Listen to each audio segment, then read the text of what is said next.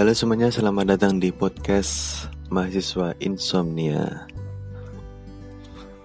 Oh ya, ada info nih. Jadi uh, untuk podcast ini sekarang sudah tersedia di Spotify, terus juga tersedia di Google Podcast sudah ada. Jadi selain di Anchor, udah ada di Spotify dan Google Podcast, dan juga ada di beberapa aplikasi yang lain. Bisa dicek jadi aplikasi Anchor itu uh, kerjasama dengan platform apa aja. Oke okay, jadi mungkin sebelum aku mulai, uh, mungkin nggak nggak nggak kayak teman-teman yang sering apa yang ngomong di podcast yang pakai lo gue lo gue. Jadi mungkin untuk ke depannya paling saya atau aku tapi kemungkinan uh, akan lebih sering pakai kata saya. Oke jadi podcast untuk episode yang kedua ini. Jadi ceritanya uh, kemarin kemarin atau lusa ya aku lupa. Sempat baca uh, postingan salah satu dosen UGM di sosmed yaitu uh, postingannya dari Pak Made Andi Arsana dosen teknik geodesi kalau nggak salah. Beliau juga uh, kepala OIA UGM jadi kantor urusan internasional UGM beliau adalah uh, kepalanya. Jadi uh, Pak Andi bilang gini di apa di curhatan di sosmednya ngepost gini. Kadang kita pikir ketidaktahuan kita bisa diobati dengan bertanya. Ternyata tidak selalu. Seringkali obat terbaik bagi penyakit ketidaktahuan adalah jawaban yang ditemukan oleh dirinya sendiri. Jadi kenapa kok Pak uh, Made Andi Arsana ini sampai posting uh, seperti ini tuh karena apa sih? Lah ternyata ada salah satu entah mahasiswa atau mahasiswi ini ya. Jadi Kuranto sih ini soalnya di di blur namanya. Jadi tuh tanya di di apa di blognya Pak Pak Andi ini Pak Made Andi ini. Jadi tanya gini, e, permisi Pak mau tanya kampus di Aussie yang ada kesehatan masyarakat mana ya? Terima kasih gitu kan. Lah terus akhirnya ini Pak Andi kan langsung di dibales itu di komennya itu. Di komentar di blognya blog pribadinya. Terus dibalik tanya gini terus kalau kampus Indonesia yang ada geodesinya mana ya? Jadi apa ya? Agak lucu gitu sih emangnya si mahasiswi atau mahasiswa ini ibaratnya kan dia uh, ibaratnya lagi cari info beasiswa, cari info kampus di Aussie itu ada kesehatan masyarakat apa gitu kan? Uh, ada kesehatan masyarakat apa enggak itu kan? Jadi agak apa ya? Untuk para pemburu beasiswa kadang rada gimana ya bilangnya ya? Jadi juga terjadi juga sih uh, ke saya juga teman-teman teman-teman saya yang juga meraih beasiswa LPDP atau beasiswa unggulan kadang sering banget itu kayak gini. Misalkan nih oh ya mas atau oh ya kak untuk TOEFL syarat TOEFL beasiswa unggulan itu berapa ya? Uh, syarat beasiswa LPDP itu berapa ya? Atau kayak kadang yang lucu itu malah tanya gini misalkan uh, oh ya kak syarat beasiswa unggulan itu apa aja ya? Terus atau enggak yang parah lagi misalkan dia udah tahu kan, udah tahu uh, pengen cari beasiswa LPDP misalkan atau beasiswa unggulan. Kadang malah ada yang tanya gini misalkan, oh iya untuk websitenya apa ya? Aduh, ini udah tahun 2018 masih ada Google kan tinggal googling aja kan. Misalkan uh, nyari websitenya beasiswa unggulan nih. Ya tinggal googling aja. Website beasiswa unggulan. Pasti muncul teratas aku jamin. Pasti muncul teratas. Atau enggak uh, apa ya? Misalkan yang tadi ya kayak kayak yang tanya syarat-syaratnya itu apa aja. Kan tinggal tinggal buka websitenya terus dibaca itu syarat-syaratnya apa aja itu kan. Kan nggak mungkin kan. Misalkan bener sih dia tanya ke kita yang mungkin uh, mikirnya dia oh uh, si mas ini atau si mbak ini udah udah dapat beasiswa ini nih. Coba tanya ah ya tapi kan tanyanya kan ya nggak nggak bener-bener yang apa ya pertanyaan yang sangat mendasar gitu kan nggak nggak mungkin kan kalau kita harus uh, ibaratnya kalau ayam atau ternak itu kita yang ngasih makan ma apa menyuapi itu kan nggak mungkin. Jadi itu sih kalau kalau pengalamanku ada beberapa ya. Nggak nggak semua semuanya ada beberapa anak yang misalkan tanya beasiswa terus itu pertanyaannya itu lucu-lucu gitu. Atau enggak gini uh, kadang oh ya kak. Jadwal untuk beasiswa unggulan nanti bulan apa ya? Ya kadang kalau kalau aku sih uh, gimana ya nggak ya tetap tajab sih. Karena tajabnya itu gini misalkan kalau pengalamanku tahun kemarin sih ya bulan ini sampai ini terus uh, periode selanjutnya itu bulan ini sampai ini gitu. Cuma kan kita kan nggak tahu untuk tahun depannya itu bakalan sama apa enggak jadwalnya gitu kan. Lah makanya untuk kalian yang para pemburu beasiswa ya harus inisiatif sendiri gitu kan. Paling enggak sehari sekali kan cukup kan. Misalkan ngecek websitenya jadwal pembukaan beasiswanya itu udah udah udah dibuka apa belum. Misalkan dibukanya tanggal berapa kan pasti bakalan ada infonya kan di websitenya. Atau enggak yang juga lucu lagi tuh kadang gini uh, oh ya kan nanti kalau misalkan pendaftaran beasiswa unggulannya udah dibuka dikabarin ya aku aduh ini yang butuh sebenarnya siapa sih? Gitu kan. Kita yang udah bukan ini ya aku bukannya egois itu kan. Sebenarnya itu kita kita ini membantu teman atau membantu adik-adik di luar sana itu kita benar serius itu senang banget. Seneng kalau misalkan kita bisa membantu gitu kan. Cuma nggak apa ya bukan bukan hal-hal yang mendasar hal-hal teknis. Misalkan persyaratan TOEFL TOEFLnya berapa syaratnya apa aja websitenya apa? Itu kan lucu. Jadi kita itu lebih senang misalkan gini misalkan lebih sharing ke misalkan gini misalkan kalau di beasiswa di beasiswanya itu ada suruh buat proposal misalkan. Bisa sharing misalkan kak dulu uh, untuk proposalnya itu kayak gimana?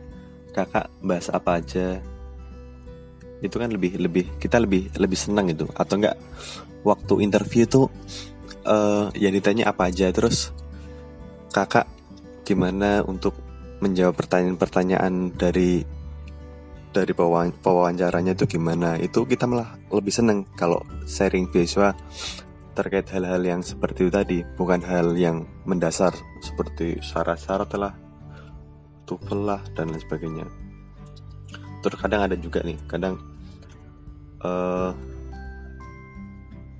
misalkan dia udah ketinggalan nih beasiswa unggulan udah terlanjur ditutup.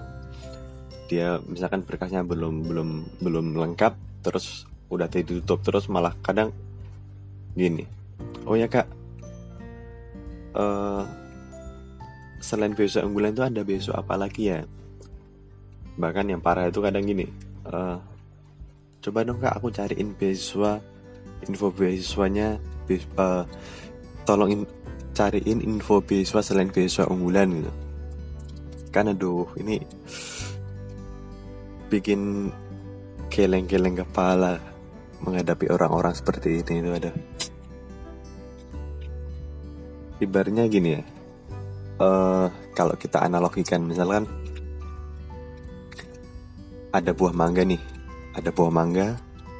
Buahnya itu udah udah banyak udah mateng gitu kan. Udah disediakan galah.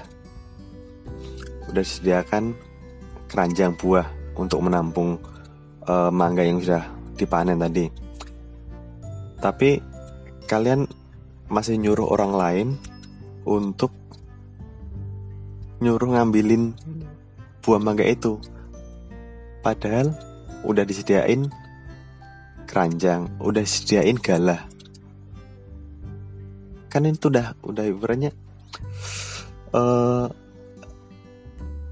hal-hal yang dibutuhkan mendasar itu udah disediakan. Kamu tinggal jalan, tinggal berusaha. Cuma aduh, ya itu sih kalau uh, apa ya curhatanku terkait menghadapi para pemburu beasiswa yang kadang tanya-tanya itu itu uh, kalau menurutku ya aku ada beberapa ini sih beberapa mungkin catatan sih misalkan kalau kalian sebagai pemburu beasiswa jadi catatannya kalian tuh harus benar-benar berjuang dari awal.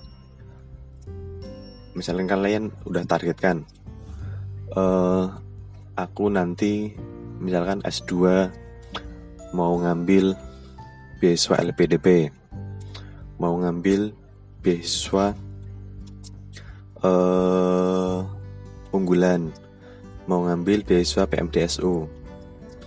Jadi kalian tuh harus benar apa ya dibuat time schedule gitu. Jadi misalkan uh, beasiswa unggulan syukur di semua beasiswa yang di tahun tersebut itu nggak nggak tumbuhkan gitu. Mulai dari pendaftarannya pemberkasannya interviewnya kalau nggak tumbuhkan kan enak gitu kan. Jadi kita bisa nyoba semua beasiswa yang ada di tahun tersebut. Jadi kan bisa cari info kan. Berarti jadwalnya di di websitenya itu udah ada gitu kan. Misalkan misalkan ini ya. Aku nggak nggak juga sih. Misalkan LPDP ternyata pembukaannya Januari yang periode pertama nanti pemberkasannya uh, Februari interview Maret misalkan terus beasiswa unggulan uh, periode bukaan 2018 yang periode batch yang kedua atau gelombang kedua ternyata pembukaannya bulan Maret. Cuma interviewnya di bulan Mei. Kan nggak nggak tabrakan kalau kalau masalah pemberkasan ataupun daftar online kan uh, tumbuhkan dengan jadwal interview di lain kan nggak masalah. Cuma yang penting uh, jadwal interviewnya itu jangan sampai tumbuhkan. Jadi kan kalian bisa nyoba ke semuanya gitu kan. Jadi harus benar-benar dipersiapkan. Paling enggak kan apa ya kita udah udah berusaha udah berdoa. Kalau kita udah berusaha berdoa ya udah kita serahkan sama Tuhan gitu kan. Uh, tersebut uh, termasuk rezeki kita di tahun tersebut apa enggak. Kalaupun tahun tersebut masih belum rezeki ya semoga aja tahun depan kita dapat rezeki mendapatkan beasiswa tersebut jadi saya pernah ini pernah pernah apa ya ada pengalaman ada cerita. Jadi saya kan uh, penerima beasiswa unggulan tahun 2016 yang batch yang kedua uh, gelombang kedua. Jadi di jurusanku itu ada ada dua anak yang di saat pengumuman final atau pengumuman akhir itu mereka nggak nggak keterima itu dua anak itu dua cewek. Kebetulan dua-duanya cewek. Jadi dulu itu kalau nggak salah pengumuman final itu bulan Agustus kalau nggak Oktober. Lah tiba-tiba di bulan Desember mereka berdua itu dihubungin oleh pihak panitia beasiswa unggulan jadi info aja jadi beasiswa unggulan itu dari Kementerian uh, Pendidikan dan Budaya Kebudayaan jadi Kemendikbud dari Kemendikbud RI. Jadi tiba-tiba mereka berdua itu dipanggil lagi.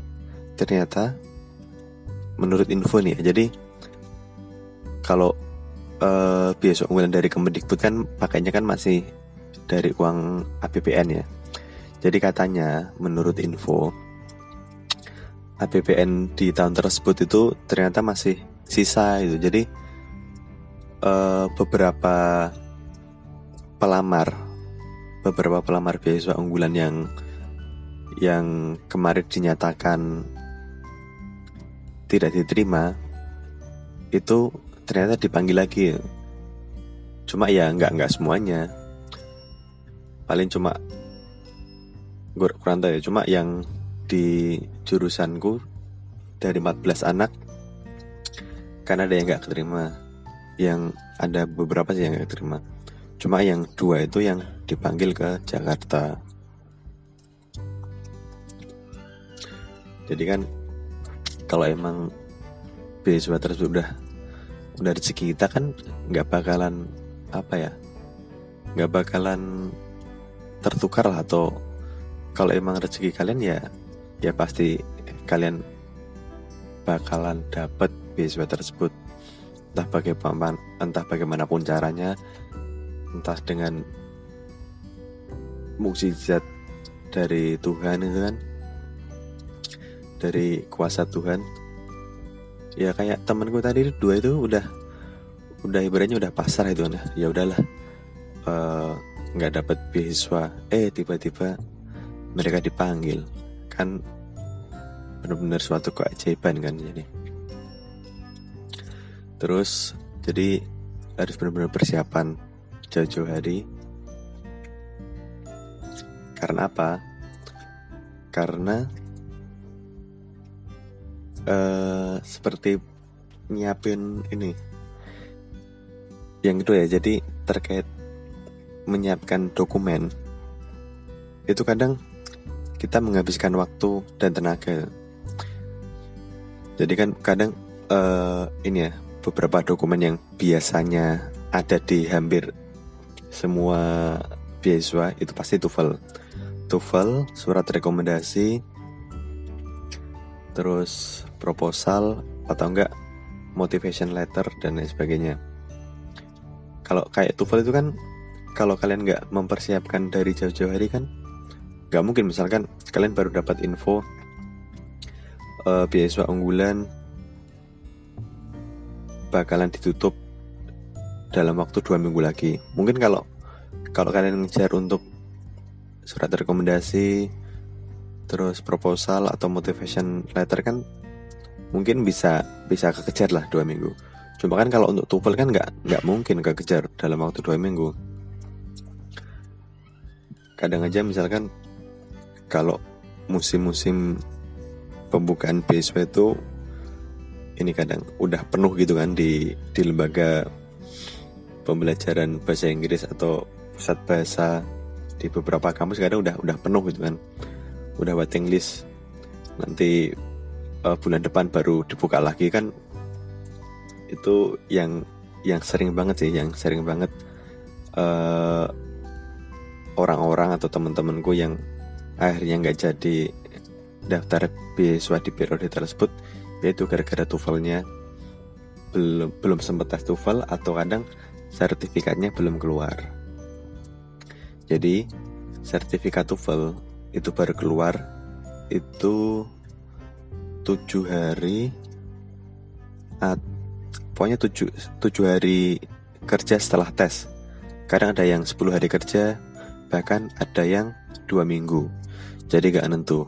Makanya misalkan kalau uh, pendaftaran beasiswanya itu misalkan di bulan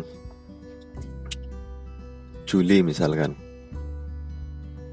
Paling enggak kalian bulan Mei udah daftar untuk tes TOEFL. Jadi paling enggak nanti kan Juni udah udah keluar sertifikatnya lah Juli bisa buat daftar beasiswanya tersebut. Lah pastinya kan uh, kalau sebelum tes TOEFL kan juga harus persiapan juga panjang juga kan. Jadi nggak nggak tiba-tiba terus kamu daftar belum ada persiapan terus TOEFL kan juga uh, eman-eman uangnya uang pendaftarannya. Apalagi kayak apa tes IELTS terus TOEFL IPT itu kan waduh mahal banget itu. Kalau sampai nggak lolos apa nggak skornya nggak nggak sesuai minimal rugi banget uang pendaftarannya. Mahal. Jadi itu ya jadi usaha berdoa itu penting. Terus yang kedua harus mempersiapkan dokumen persyaratan jauh-jauh hari. Terus e, ketiga apa ya? Ini. Yang ketiga itu biasanya yang berurusan dengan birokrat. Ini yang kadang kadang ini sih kadang apa? Bikin bikin lama ya. Misalkan kita ngurus surat rekomendasi kan kan kadang bebas sih surat rekomendasi itu bisa dari dosbing dosen wali atau dekan atau kadang ada yang bahkan ada yang minta ke rektor juga. Kan kita nggak nggak menjamin kan misalkan ngurus surat rekomendasi dalam satu hari jadi. Belum tentu. Kadang kan kita misalkan ke kantornya ke ruangannya hari Senin wah nggak nggak ketemu hari Selasa ke, ke ke ruangannya lagi atau ke kantornya lagi juga nggak ada. Eh ternyata dapat info dosennya tersebut atau misalkan dekan lagi keluar kota. Sampai dua minggu. Waduh badan pendaftaran beasiswanya seminggu lagi waduh. Kalau gitu sebenarnya bisa ditanggulangi dengan mencari dosen lain sih untuk memberikan rekomendasi. Cuma itu untuk berurusan dengan birokrasi itu kadang juga harus benar-benar harus disiapkan.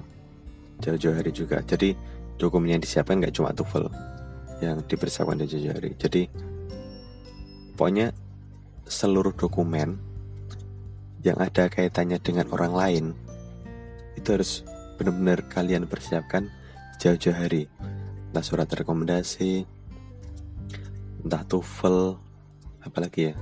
Mungkin itu ya. Kalau misalkan proposal kan kalian bisa itu kan tergantung dari diri kalian sendiri itu kan.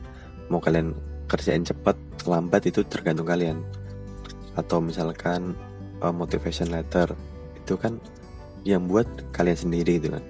Masalah mau dibuat cepat atau misalkan satu hari jadi atau tiga hari jadi lima hari jadi seminggu jadi kan itu kalian cuma kalian yang ngerjain itu cuma untuk beberapa dokumen yang yang berurusan atau ada kaitannya dengan orang lain itu harus kalian kalian persiapkan jauh-jauh hari ya kayak surat rekomendasi TOEFL dan dan lain-lain. Terus apa lagi ya? Jadi tadi yang pertama apa? Uh, usaha dan doa. Intinya uh, kemauan kalian, usaha kalian untuk mendapatkan beasiswa itu seperti apa itu? Terus yang kedua terkait persiapan dokumen Terus yang ketiga tadi uh, untuk urusan dengan birokrasi. Terus yang keempat mungkin yang terakhir ini ya. Catatan ini, catatan yang terakhir. Para penerima beasiswa, misalkan saya nih, setelah menerima beasiswa ya nggak bisa enak-enakan. Kita pun harus berjuang untuk mendapatkan nilai yang terbaik agar beasiswa yang kita dapatkan itu bertahan. jadi biasa biasanya biasanya itu uh, contohnya ini, ini untuk beasiswa unggulan dulu ya.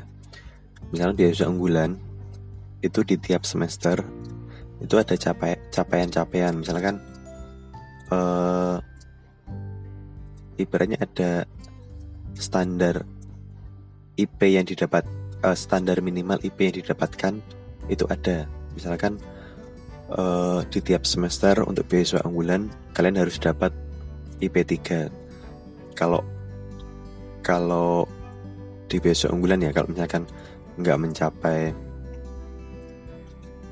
IP3 itu dapat ibaratnya uang yang cair di semester tersebut atau di gelombang pencairan tersebut itu bakalan dipotong berapa persen ya. Ya nanti uh, bakalan ada ada episode lagi yang khusus membahas besok unggulan ya.